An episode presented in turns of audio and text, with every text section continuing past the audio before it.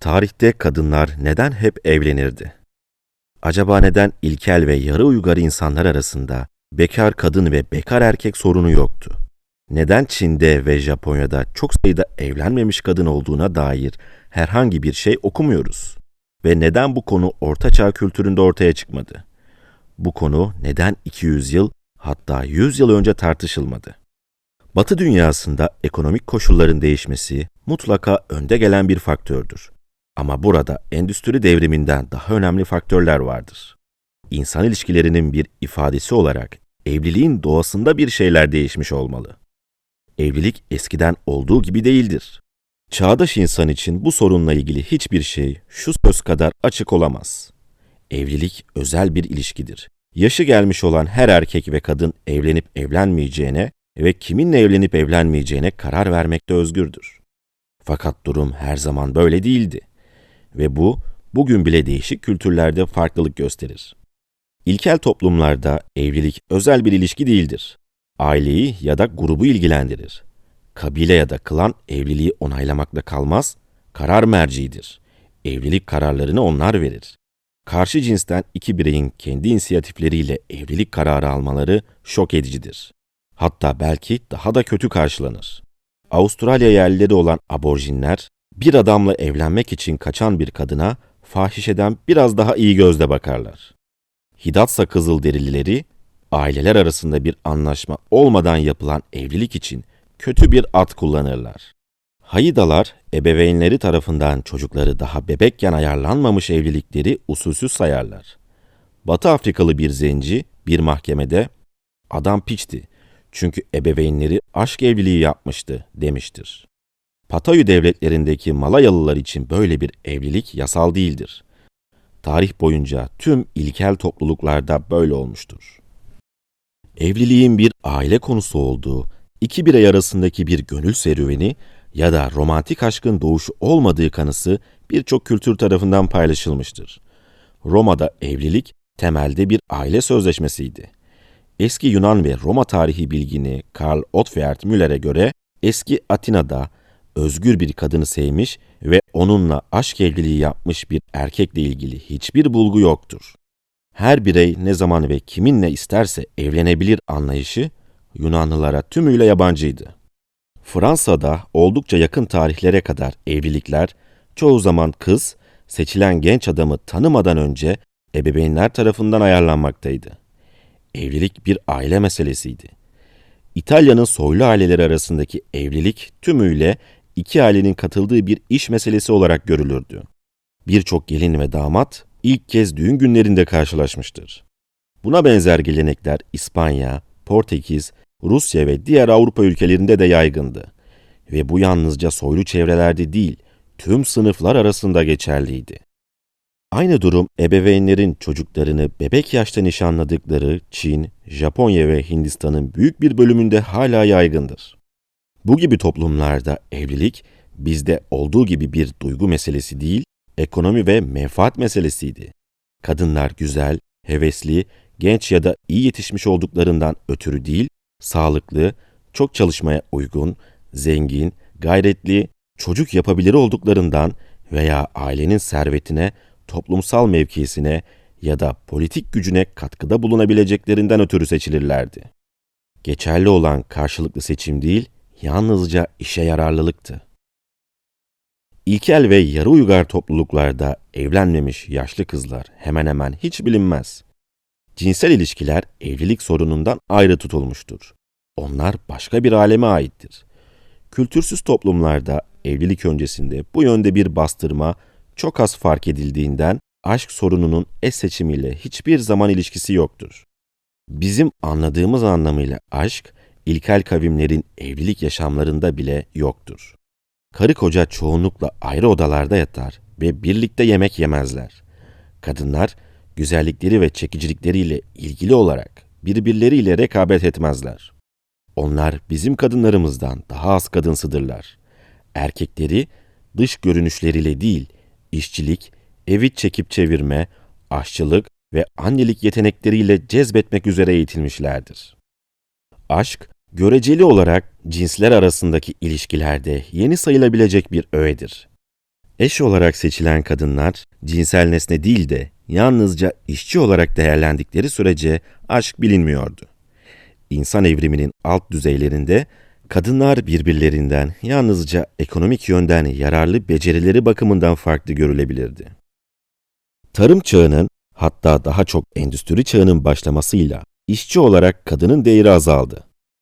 Ekonomik durumdaki değişimle birlikte kadının durumu da kökten değişti ve onunla birlikte evliliğin niteliği değişti. Göreli ekonomik değerleri azalırken kadınların cinsel değeri arttı. Kadınların konumundaki bu değişiklikle birlikte erkekler daha çok seçici oldular ve evlilik partnerlerini kişisel çekim nedeniyle seçtiler. Ekonomik durumun düzelmesiyle birlikte kadınlara cazibelerini geliştirme sanatlarına ayıracak vakit ve fırsat verildi. Uygarlıkların ilerlemesi, cinsler arasındaki artan farklılaşmayla da kendisini ortaya koyar. Şimdi bir kadın bir başkasına tercih edilebilir. Aşk serüveni, çağdaş topluma hayal gücünün çocukları olan tüm tutkuları, cinsel arzuları zarifleştiren bir büyü getirdi. Bu yeni faktör, aşk, partner seçiminde en önemli faktör durumuna geldi. Genç kızlar ve daha çok genç erkekler arasında aşk, eş seçiminde hemen hemen tek kısastır ve elbette toplumdaki bireylerin evlenip evlenmeyeceğine, evlenecekse kiminle evleneceğine çoğunlukla aşk karar verir. Evliliğin nedenli köklü olarak değiştiğini göstermek amacıyla evlilik kurumunun tarihçesine bir göz attık. Doğal olarak köklü değişikliklerin hem iyi hem de kötü yanları vardır. Yeni bir değerler yasası eski değerleri geçersiz kılmadan başarılı olamaz. Bir keresinde Freud'un ki yaşamın son yıllarındaydı ve boş vermiş bir ruh hali içerisindeydi, çağdaş uygarlığımızda yalnızca iki değer kaldığını söylediğini duydum. Para ve kadınların güzelliği. Kendi çağımıza, psikolojik çağa ve onun en ilginç tezahürlerinden birine geliriz. Cinsel çekim. Bu çekimin doğasının biyolojik olduğunu, kadınların ve erkeklerin cinsel dürtünün organik gereksiniminin emirlerini yerine getirdiklerini vurgulamaya gerek yoktur.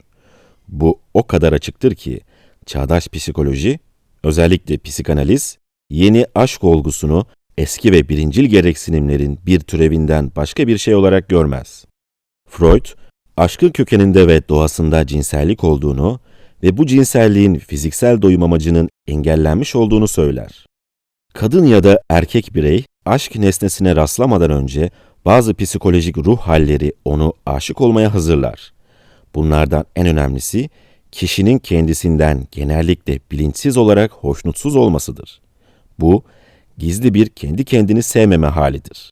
Çoğu zaman yer değiştirmiştir ve kendisini kişinin ailesinden, işinden ve çevresinden hoşnut olmaması şeklinde ortaya koyar. Bu ruh hallerinin kökleri kişinin mahrem geçmişinin iyiden iyiye derinlerine gider. Her birimiz çocuklukta ve ergenlik döneminin başlarında olmak istediğimizi yansıtan bir resim çizmişizdir. Bu arzulanan imaja ego ideali deriz.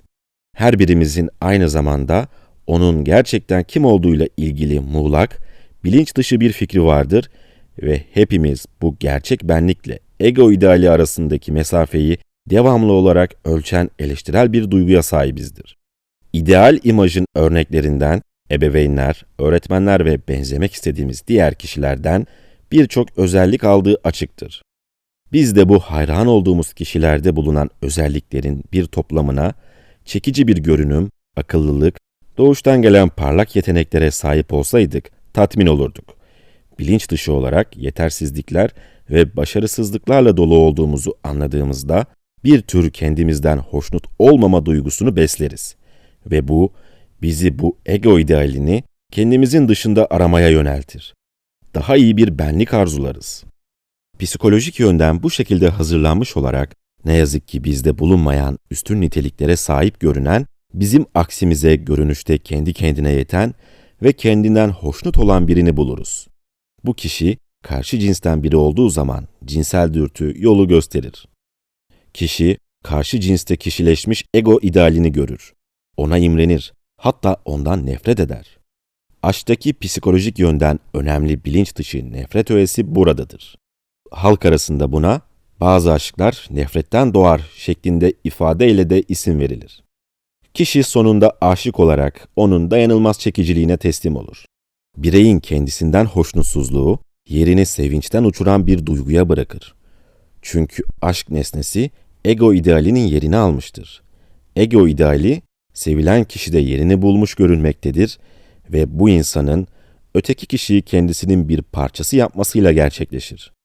Kendinden hoşnutsuzluk ne kadar derinse aşk nesnesinin uyandırdığı tutku o denli güçlü olacaktır. Bu, sevilen kişinin gerçek niteliklerinden ve çekiciliğinden son derece bağımsız olabilir. Böylelikle romantik anlamda aşık olmada bir kurtulma niteliği olduğu ortaya çıkmaktadır. Bu artan hoşnutsuzluktan dolayı tehlikede olan kişiyi boğulma tehlikesi geçiren bir yüzücünün son bir gayretle kıyıya ulaşması gibi duygusal bir güvenliğe taşır. Rosalind'le yaşadığı düş kırıklığı sonucu paramparça olan genç Romeo'nun durumunda olduğu gibi bireyi tehdit eden depresyonun pek çok nedeni olabilir ve bu depresyon melankoli derecesine varabilir.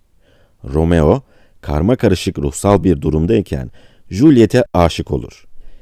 Çiftin tutkusunu ölümcül sona getiren bu derin melankoli ve öz nefretin bilinç dışı yinelenmesidir. Aşk, kendisinden hoşnut olmayan egoyu kurtarma girişimidir. Ama girişimin başarılı olacağının garantisi yoktur. Aşk çoğu zaman ya eş seçimindeki talihsizlikten ya da ego başka bir kişinin aşkında güvende olamayacak kadar güçsüz olduğundan başarıya ulaşamaz. Aşk dönemi sırasında imrenme, düşmanlık, sahiplenme ve kendini kabul ettirme istemi yok olmamıştır. Onlar yalnızca su altında kalmışlardır ve bazen şaşırtıcı bir şekilde yeniden belirirler. Aşkın evriminde onun sonucunu belirleyen birçok faktör vardır. Kendi kendimizden tümüyle hoşnut olsaydık, aşk mümkün olmazdı. Öte yandan ego çok güçsüzse ve bu nedenle mutluluğu arayacak cesareti olmayacak ölçüde kendine güvensizse de romantik aşk olanaksızlaşır. Belirli bir ölçüde özgüveni ve öz saygıyı yeniden kazanmak gereklidir. Aksi takdirde kişi sevemez. Kendisini sevilmeye layık görmeyen kişi aşık olamaz. Ancak kendisini bir şekilde yeniden seven ya da kendisine belirli bir ölçüde değer veren kişi başka bir insanı sevebilir. Psikanalizden çok önce Nietzsche şöyle yazmıştır. Kendisinden nefret eden adamdan korkmalıyız. Çünkü onun hıncının kurbanı oluruz. Bu nedenle ona kendisini sevdirmenin bir yolunu bulmalıyız. Günlük yaşantımız, kadınların çoğu zaman kendinden nefret eden bu kişileri yeniden sevebilecek şekilde iyileştirdiklerini öğretir. Karşı cinsi kendine çekme yeteneği büyük ölçüde özgüvene dayanır. Çünkü bu, kendinden hoşnut olmayan öteki kişiyi etkiler. Bu anlamda psikanaliz sırasında şu ilginç cümleyi dile getiren genç kızın psikolojik sezgisine hayran olmamak elde değil. Kötü giyindiğim zamanlarda herkesten nefret ediyorum. Başka bir hastam da şöyle demişti. Sedef hastası olan bir kız aşık olamaz. Hastanın ne demek istediği oldukça açıktı. Bu cilt hastalığından muzdarip bir kız, erkeklerin onu çekici bulmayacağını düşünür ve hayal bile edemediği bu durumun gerçekleşebileceğini düşünmez. Üçüncü bir hastam da ben aşık olacak kadar yeterli bir insan değilim demişti. Başlamadan yenilmişti. Bir eşle birlikte yaşayabilmek için önce kendinizle en azından belli ölçüde iyi anlaşabilmelisiniz. Başkalarından size değer vermelerini bekleyebilmeniz için belirli bir öz saygınız olmalıdır. Bir kadın genellikle aşık olduğu erkeğin görüşlerine tümüyle bağlı olma tehlikesiyle karşı karşıyadır. Nişanlısı onu ne zaman eleştirse, kendisinden yoğun bir biçimde nefret eden bir kız tanıyorum. Kız, ona o kadar bağlıyım ki, diyordu, o benim güvenliğimin ve değerimin ölçütü. Benden hoşnut olmadığı zaman kendimi hiç beğenmiyorum. Aslında hiç kimse buna benzer bir ölçüde başkasının kendisiyle ilgili görüşlerine bağlı olmamalıdır. Erkekler kadınları onların kendilerine verdikleri öz değere göre dikkate alırlar. Kendisini değer verilmeye layık bulmayan bir kadın, bir erkek için de değer verilmeye layık değildir. Ancak verecek bir şeyiniz olduğundan emin olduğunuz zaman aşkı kabul edebilirsiniz. Kadınlar bilinç dışı olarak bunun farkındadırlar. Onlar kendilerini beğenmedikleri zaman başkalarına çekici görünmediklerini bilirler ve insanın kendisi olması cesaret ister. Öte yandan ilgi görmek bir kadının öz saygısını arttırır. O, birini sevmeyi istediği için bir erkeğe gereksinim duymaz. Kendisine gereksinim duyulmasına ihtiyacı olduğu için ve sevilmeyi istediği için bir erkeğe gereksinim duyar. Kızlar, sevdikleri adamın kendi ego ideallerini vekaleten temsil ettiğini bilirler.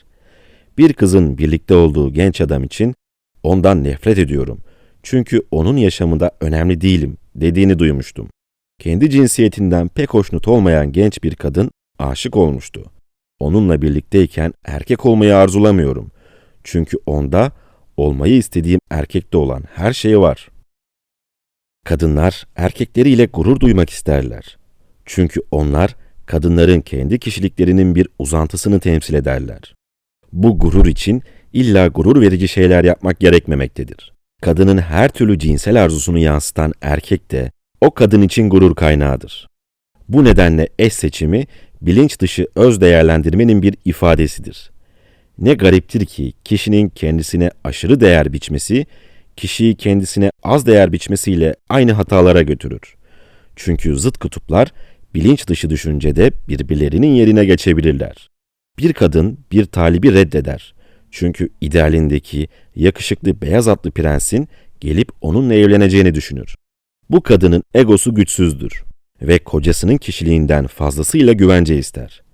Kendisini arayan gizli kişilikli bu kadınlardan biri, özel biri olamıyorsam en azından hayran olunacak bir erkek istiyorum demişti. Öte yandan kadınlar erkekleri sık sık erkeğin kendilerine dair fikirlerine ya da ideallerine uyarak yaşayamayacakları düşüncesiyle reddederler. Eş seçiminin kendini değerlendirmeye dayanması bilinçli bile olabilir. Geçen gün bir kızın kendi ruhsal süreçleriyle ilgili ani bir içgörüsü oldu. Bu tür içgörüler psikanaliz sırasında sık sık meydana gelir. Yükseklerde uçtuğum zaman bir dük ya da bir prensle evlenmek istiyorum dedi. Kendimi kötü hissettiğim zaman doğu bölgesinde okuma yazma bilmeyen bir göçmeni ya da bir serseriyi seçebilirim. Doğru bir ruh hali içerisinde olduğum zaman beni seven, iyi bir işi ve kişiliği olan, dürüst ve sağlıklı bir adam istiyorum. Bütün kadınlar bu kız kadar açık yürekli değildir. Birçoğu kendi kendileriyle saklambaç oynar. Başlangıçta ilkel ve basit bir melodi vardır. Bu, gelecekteki değişiklikleri hazırlayan bazı çeşitlemelerle birlikte eski ve kültürsüz toplumlardaki evliliktir. Bu işlenmemiş melodi, yerini yavaş yavaş kendinden türeyen, daha zarif, tatlı ve içten bir melodiye bıraktı. Aşkın melodisine. Bu aşk sadece romantizm üzerine kurulursa çökecektir. Sadece cinsellik üzerine kurulursa yine çökecektir. Yeni bir melodi ortaya çıkana, yayılana ve tüm gizli güçlerini sergileyene dek bunlar bir süre beraberce varlık gösterdiler. Başka bir kaynaktan ortaya çıkan ve baskın melodiyle mücadele eden uyumsuzluklar giderildi ve sonra yeniden ortaya çıktı. Bunlar kolaylıkla üstesinden gelinemeyen yeraltı akımlarıdır ve egonun kişinin içindeki uyumsuzluğunu temsil ederler. Yazının ana temasındaki hareket noktası buradadır. Bu aslında bir engellenme motifidir. Aşkın kendinden memnuniyetsizlikten doğduğu ve kendi kendini yaralama eğiliminin üstesinden gelmek için duygusal bir girişim olduğunu söyledik. Kurtarma çabaları kişinin içindeki bazı güçler tarafından gösterilmiştir. Bunlar aynı zamanda kendini korumayı sağlayan ve cesaret verici derin psikolojik güçlerdir. Kendinde yüksek talepleri gerçekleştiremeyen ego, kişinin kendi gerçekleştiremediği ideallerini başka birinin gerçekleştirilmesini bekler. Bu da kadınlar için beyaz atlı prens motifidir. Beyaz atlı prensi bekleyen kadınlar, yani kusursuz erkeği bekleyen kadınlar, derin ego problemleri yaşayan kadınlardır. Sadece kendi kendinden hoşnut olmayan kişi aşık olabilir ve bu ona ne yazık ki geçici bir güvenlik duygusu verir. Ancak kendinden hoşnutsuzluğuyla ve kendini sevmemesiyle mücadele etme cesareti gösterebilen kişi aşık olabilir. Mücadele etmek için az miktarda özgüven olmalıdır. Aksi takdirde aşk gelişemez. Ne ilginç değil mi? Aslında aşık olduğumuz kişi olmak istediğimiz kendimiz. Kanalıma abone olmayı Evet denizin ötesinde Instagram hesabımdan beni takip etmeyi unutmayın. Görüşmek üzere.